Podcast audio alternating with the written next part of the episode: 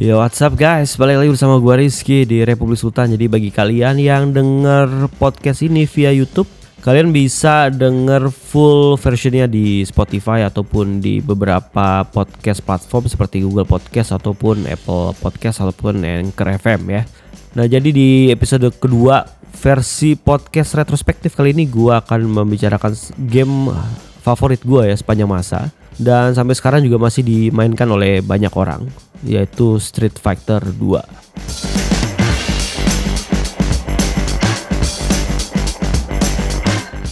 Kalau kita ngomong Street Fighter 2 udah jelas sejarah cukup panjang ya karena game ini sendiri dirilis pada tahun 1991 untuk platform arcade di Jepang dan gue lupa sampai saat ini kalau nggak salah terakhir keluar untuk Nintendo Switch ya itu keluar versi terakhir dari Street Fighter 2. Jadi gua udah nggak tahu berapa versi yang keluar karena saking banyaknya. Nah, game ini di develop oleh tim arcade development di Capcom yang dikepalai oleh Yoshiki Okamoto. Nah, jadi si Yoshiki Okamoto adalah seorang gamer entusias yang antik dan suka nyeleneh ya. Karena dia terkenal oleh rekan-rekannya sebagai orang yang suka banget ngeprank gitu. Nah jadi dia itu ceritanya selalu bercerita kepada orang kalau dia tuh dipecat dari Konami ya karena dia tuh membuat game yang berbeda dari yang disuruh gitu.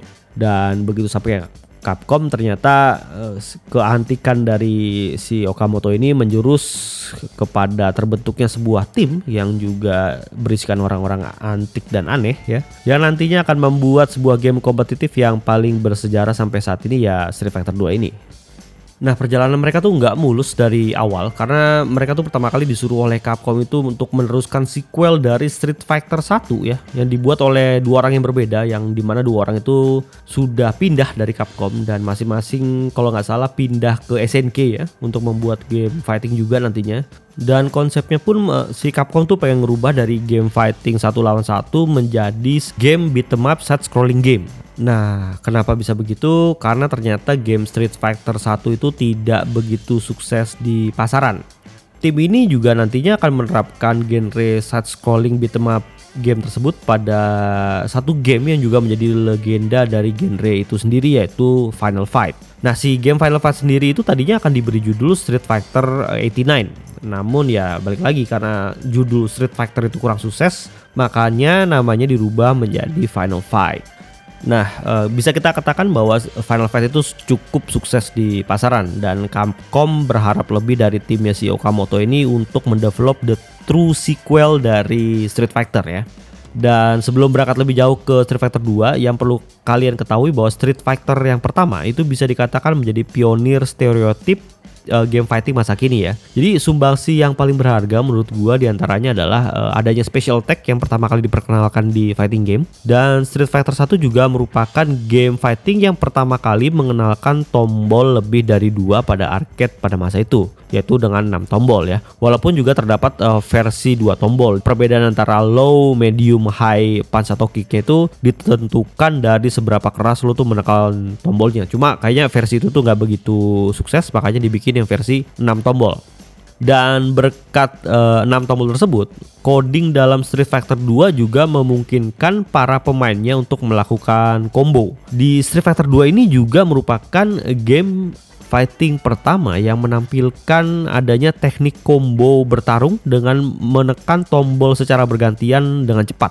Dan ini akhirnya menjadi stereotip yang dipakai oleh game fighting apa pun sampai dengan saat ini.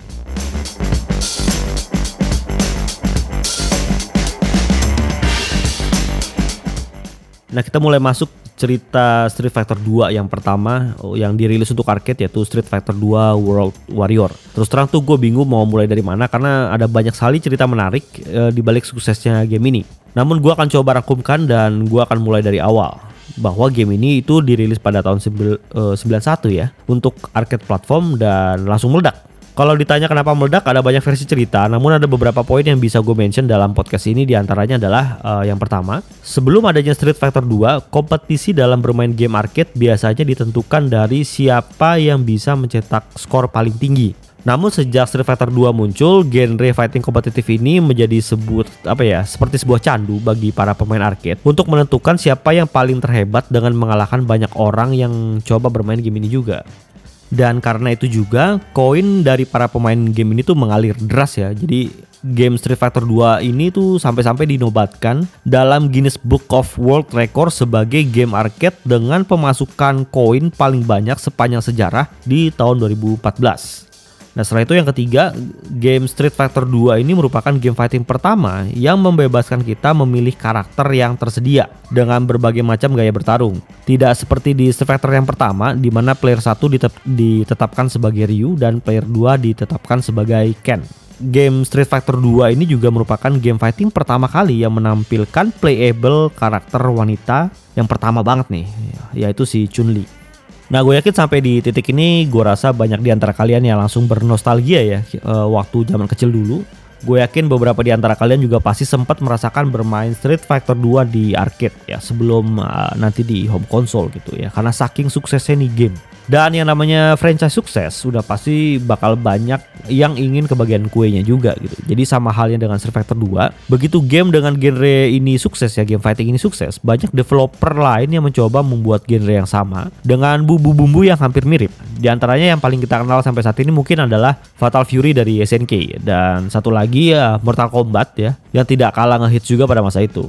Namun seiring banyaknya kompetisi yang notabene bikin gamers senang dan tentunya developers juga bisa jadi berkaca satu sama lain ya jadi berlomba-lomba dalam berkreativitas. Capcom juga dihadapkan dengan masalah pembajakan game yang marak beredar di arcade center ya. Jadi game dengan harga koin bermain yang lebih murah tapi uh, gamenya rip off gitu. itu banyak banget tuh dulu. Dan malah tuh Capcom sempat uh, menuntut Data East ya. Ini salah satu developer gede juga dulu ya. Karena uh, Data East itu membuat uh, satu game fighting yang namanya Fighters History yang dinilai sama Capcom itu memiliki mechanical teknik dan eksekusi gameplaynya tuh mirip banget sama Street Fighter 2 dan dari sinilah si Capcom tuh mulai harus berpikir uh, untuk bagaimana bisa menghadapi kompetisi-kompetisi curang macam kayak begini nih.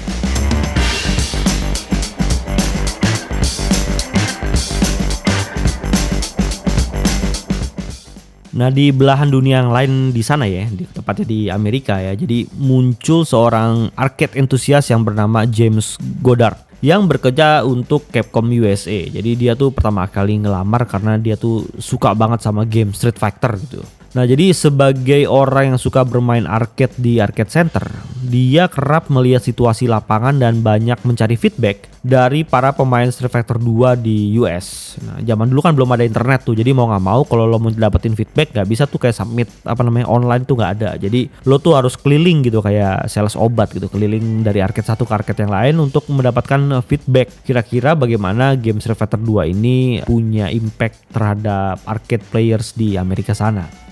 Dan si James Goddard ini merupakan uh, salah satu orang yang mencetuskan uh, mengadakan kompetisi Street Fighter 2 pertama di Amerika dan sukses besar. Uh, dia bersama satu orang temannya bernama Jeff Walker ya dari tim marketing Capcom USA itu seneng banget berkeliling uh, di arcade center ya sana sini ya selain untuk main game juga untuk mendengar feedback dari apa namanya ya dari tour arcade to arcade ya.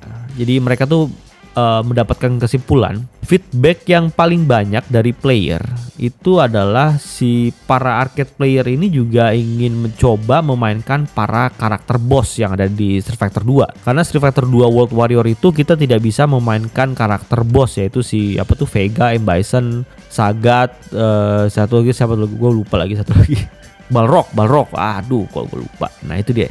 Para player juga ingin bisa memainkan uh, karakter yang sama. Jadi kalau yang lo pertama kali main Street Fighter 2 World Warrior itu ketika satu orang milih Ryu lo udah nggak bisa pilih Ryu. Nah jadi uh, banyak player tuh pengen ya gue pengen main Ryu juga. Jadi orang tuh selain bisa berkompetisi mana yang paling hebat orang tuh juga bisa ber, bisa apa namanya berkompetisi jagoan mana yang uh, maksudnya dalam memakai karakter tuh jagoan mana lo apa gua gitu. Jadi misalnya lo sama-sama pakai Ryu atau sama-sama pakai Ken gitu ya jadi jagoan mana Ryu gua atau Ryu lo gitu. Nah jadi para player itu banyak banget yang pengen uh, mode itu dari ide-ide ini James Goddard memberanikan diri untuk mengajukan ide e, menambahkan fitur-fitur tersebut ke dalam Street Fighter 2. Dan ini bisa gue bilang merupakan asal muasal adanya DLC nih dalam game ya. Ini asal usulnya milking dalam game itu ya dari sini. Jadi pihak Capcom Jepang uh, pada awalnya itu kurang yakin dengan ide ini.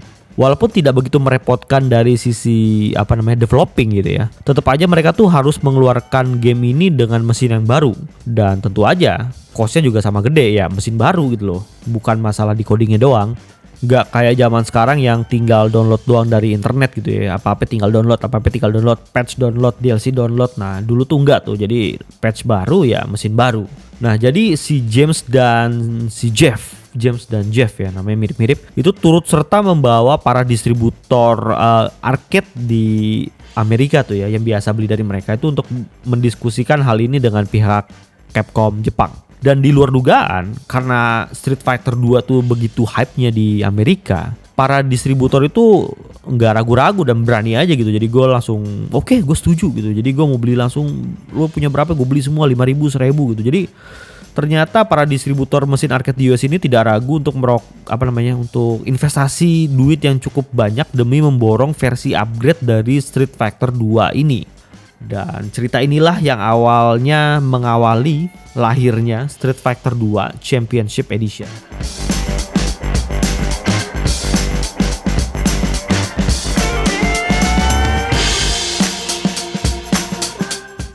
Nah jadi di Street Fighter 2 Championship Edition ini semua yang tadi gue ceritain ya kayak lo bisa main karakter boss sama lo bisa bermain karakter yang sama itu terrealisasi. Dan si James Goddard itu nggak berhenti di situ.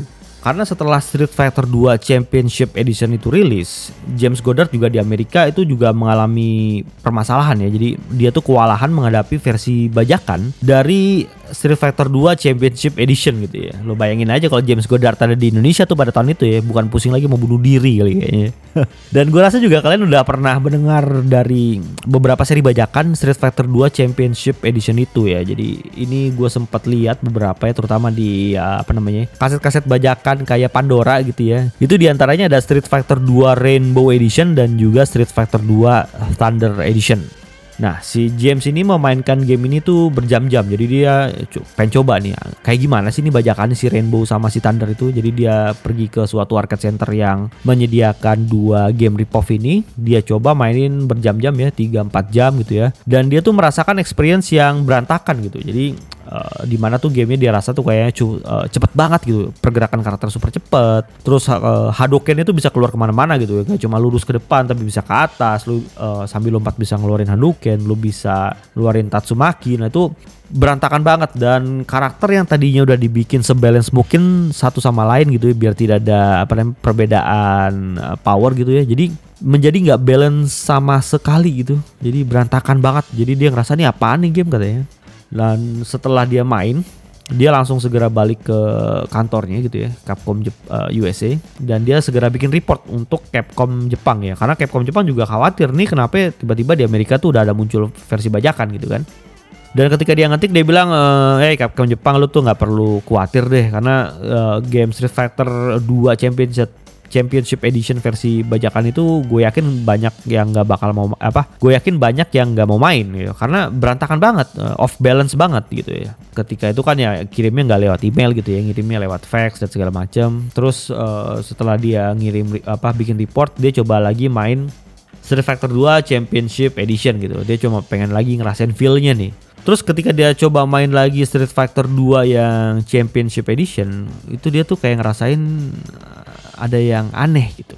Nah jadi dia tuh ngerasain kayak setelah dia mainin Rainbow yang versi Rainbow sama Thunder gitu, dia tuh ngerasa kayak Street Fighter 2 yang Championship Edition ini kok kayaknya lambat banget gitu ya. Jadi kayak pergerakannya tuh kayak lambat gitu. Dan dari situ dia tuh e, langsung kepikiran untuk merevisi reportnya dan dia tuh mengatakan bahwa ancaman terbesar dari si versi bajakan ini yang Rainbow dan Thunder itu bukan dari masalah Hadouken yang bisa keluar ke mana-mana gitu atau lo bisa ganti-ganti karakter dalam permainan gitu aneh banget sih menurut gua. Tapi melainkan kecepatan yang ditawarkan dari si game ini sehingga bisa e, mengubah experience dalam bermain, terutama dalam taktik uh, bagaimana kita tuh uh, bertarung gitu ya, uh, landing combo dan segala macam. Dan dari situ juga nih dia langsung menyarankan eh Capcom Jepang ini ada baiknya Street Fighter 2 yang Championship Edition itu juga segera di-upgrade juga.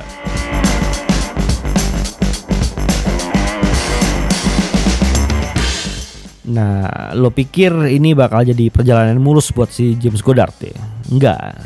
Ya lo namanya baru ngeluarin Championship Edition. Terus tiba-tiba nih orang yang sama nih yang nyaranin gue upgrade. Itu nyaranin lagi, gue upgrade lagi. Ya kan balik lagi ya maksudnya masalah bisnis dan segala macam duit, investasi, cost yang gak gitu murah itu menjadi apa namanya yang menjadi pikiran utama di kepala Capcom Jepang gitu. Dan dari sinilah tuh perdebatan yang cukup panjang antara si James Goddard dan timnya di Capcom USA dan tim developer apa tim developer di Capcom Jepang itu apa namanya saling beradu argumen apakah benar bahwa kita harus segera uh, mengupgrade versi dari Street Fighter 2 uh, eh, Championship Edition ini gitu ya. Sementara si DLC-nya ini ya, gue ngomongnya DLC itu belum keluar terlalu lama kalau gue baca di beberapa artikel di internet ya, jadi perdebatan ini tuh sebetulnya lebih intens daripada apa yang pernah diceritakan oleh media-media gitu. Jadi sampai si James Goddard ini harus turun tangan ya, dipaksa sama si Capcom Jepang itu untuk turut mendevelop si game ini. Gitu perdebatan panjang itu sebetulnya didasari atas perbedaan gaya bermain dan kultur kompetitif antara di Amerika dan juga di Jepang gitu. Nah, Capcom Jepang tuh sangat menolak versi yang ini karena versi yang lebih cepat itu belum tentu dapat diterima di banyak pasar gitu ya. Belum lagi karena misalnya pergerakan karakter ini dibuat jadi lebih cepat, sistem permainan juga berubah. Jadi udah bukan lagi gimana kita dapat mengeluarkan jurus dan melakukan combo, tapi kini juga kita tuh harus bisa memprediksi gerakan lawan itu lebih intens. Dan tentunya Capcom Jepang juga bilang ya gua nggak bisa mikirin untuk pasar Amerika aja karena kan uh, ada pasar Jepang juga ada pasar uh, Europe juga gitu yang kemungkinan uh, tidak bisa menerima versi yang lebih cepat ini Nah ya mau nggak mau akhirnya si Capcom dengan si James dan tim uh, Capcom USA itu bekerja sama gitu ya mendevelop uh, game ini bersama-sama. Sampai akhirnya ya uh, anak kedua ya DLC kedua dari Street Fighter 2 ini keluar yaitu Street Fighter 2 Turbo Hyper Fighting. Yang notabene itu sangat sukses di pasar Amerika. Bahkan sampai saat ini itu di antara semua versinya Street Fighter di Amerika itu Hyper Fighting yang paling terjual lebih banyak.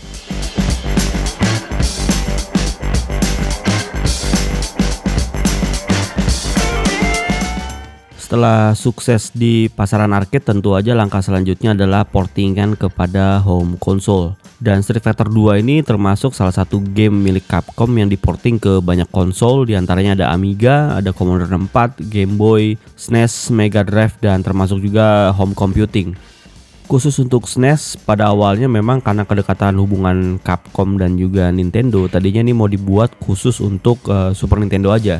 Namun karena banyaknya permintaan, akhirnya game ini diporting ke banyak konsol. Street Fighter 2 juga merupakan game Capcom yang memiliki rekor penjualan terbanyak di home console yaitu di Super Nintendo. Dan sampai saat ini belum ada lagi game Capcom yang bisa menyaingi penjualan Street Fighter 2 di SNES tersebut. Dan setelah itu seperti yang kalian tahu bahwa Street Fighter 2 merupakan franchise Street Fighter yang memiliki varian terbanyak ya sepanjang sejarah Street Fighter. Jadi yang pertama ada Street Fighter 2 The World Warrior, Street Fighter 2 Champion Edition, Street Fighter 2 Turbo Hyper Fighting, Super Street Fighter 2 The New Challengers, Super Street Fighter 2 Turbo, Super Street Fighter 2 X The Grandmaster Challenge ya. Lalu ada lagi Super Street Fighter 2 Turbo HD Remix, lalu Hyper Street Fighter 2 dan yang terakhir adalah Ultra Street Fighter 2 The Final Challengers yang dirilis untuk Nintendo Switch. Dan ini belum termasuk beberapa varian kompilasi game Street Fighter yang dirilis untuk PS2, PS3 ataupun terakhir ada di Nintendo Switch ya. Jadi benar-benar Street Fighter 2 ini merupakan game Street Fighter yang paling dimilking yang pernah gue tahu dari Capcom.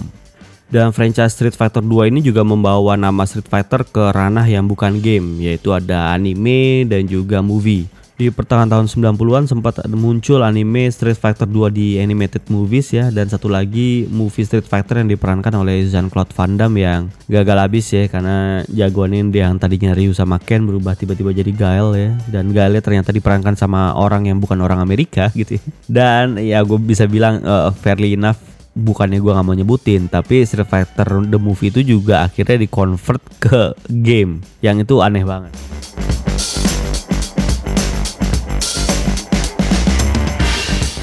Kesuksesan Street Fighter 2 juga ini akhirnya membawa nama Street Fighter ke dalam ranah video game itu jauh lebih kokoh lagi ya. Karena setelah itu muncul juga beberapa seri Street Fighter yang tidak kalah menariknya dan tidak kalah serunya dari Street Fighter 2. Di antaranya ada Street Fighter Alpha atau Street Fighter Zero yang kita kenal di Jepang, lalu ada Street Fighter EX ya, EX 1 2 kalau nggak salah. Itu yang menggunakan render 3D. Lalu juga ada Street Fighter 3 yang punya varian tiga varian juga satu lagi uh, seri crossover ya itu ada banyak banget. Ada Street Fighter versus X-Men terus Marvel Superhero versus Street Fighter yang akhirnya nanti me, apa namanya berlanjut ke Marvel versus Capcom ya. Lalu, lalu ada juga Street Fighter Cross Tekken Street Fighter apa Capcom Cross SNK terus ada lagi Street Fighter Cross Mega Man lalu ada Street Fighter 4 dan sekarang itu terakhir di Street Fighter 5 yang udah muncul juga yang seri terakhirnya yaitu Championship Edition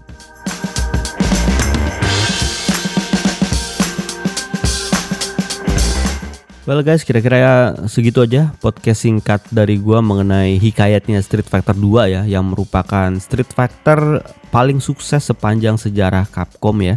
Dan sampai sekarang menurut gua merupakan salah satu seri Street Fighter yang paling memiliki memorable soundtrack ya. Background music, opening music itu semuanya sampai sekarang masih gue inget ya, terutama soundtrack Ryu, Ken, sama Guile ya. Dan juga beberapa glitches ya dan juga beberapa kontroversi yang sempat ada di Street Fighter 2 ya di antaranya kayak kalau lo inget di Street Fighter 2 World Warrior itu ada kayak dua orang berantem nonjok gitu ya nonjok yang satunya lagi. Itu di Amerika sempat jadi perdebatan kenapa yang negro tuh nggak nonjok kenapa yang negro tuh ditonjok ya kan? Rasis lagi terus juga ada glitches di Gael kalau nggak salah waktu Street Fighter 2 Warrior itu yang di mana karakter lo tuh bisa nempel gue lupa dia pencet apa gitu. Jadi tiba-tiba karakter lo tuh kayak nempel sama Gael itu juga salah satu glitches yang terkenal pada masa itu dulu itu kan patches itu kan nggak bisa di deploy kayak via internet dan langsung di download kayak sekarang. Jadinya glitches glitches tersebut juga menjadi salah satu poin yang paling memorable di Street Fighter 2 yang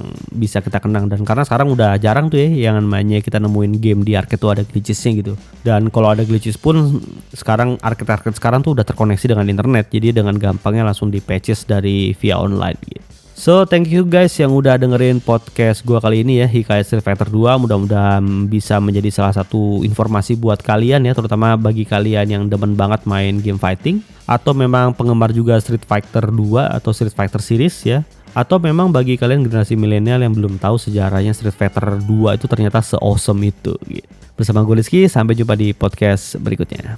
Thank you.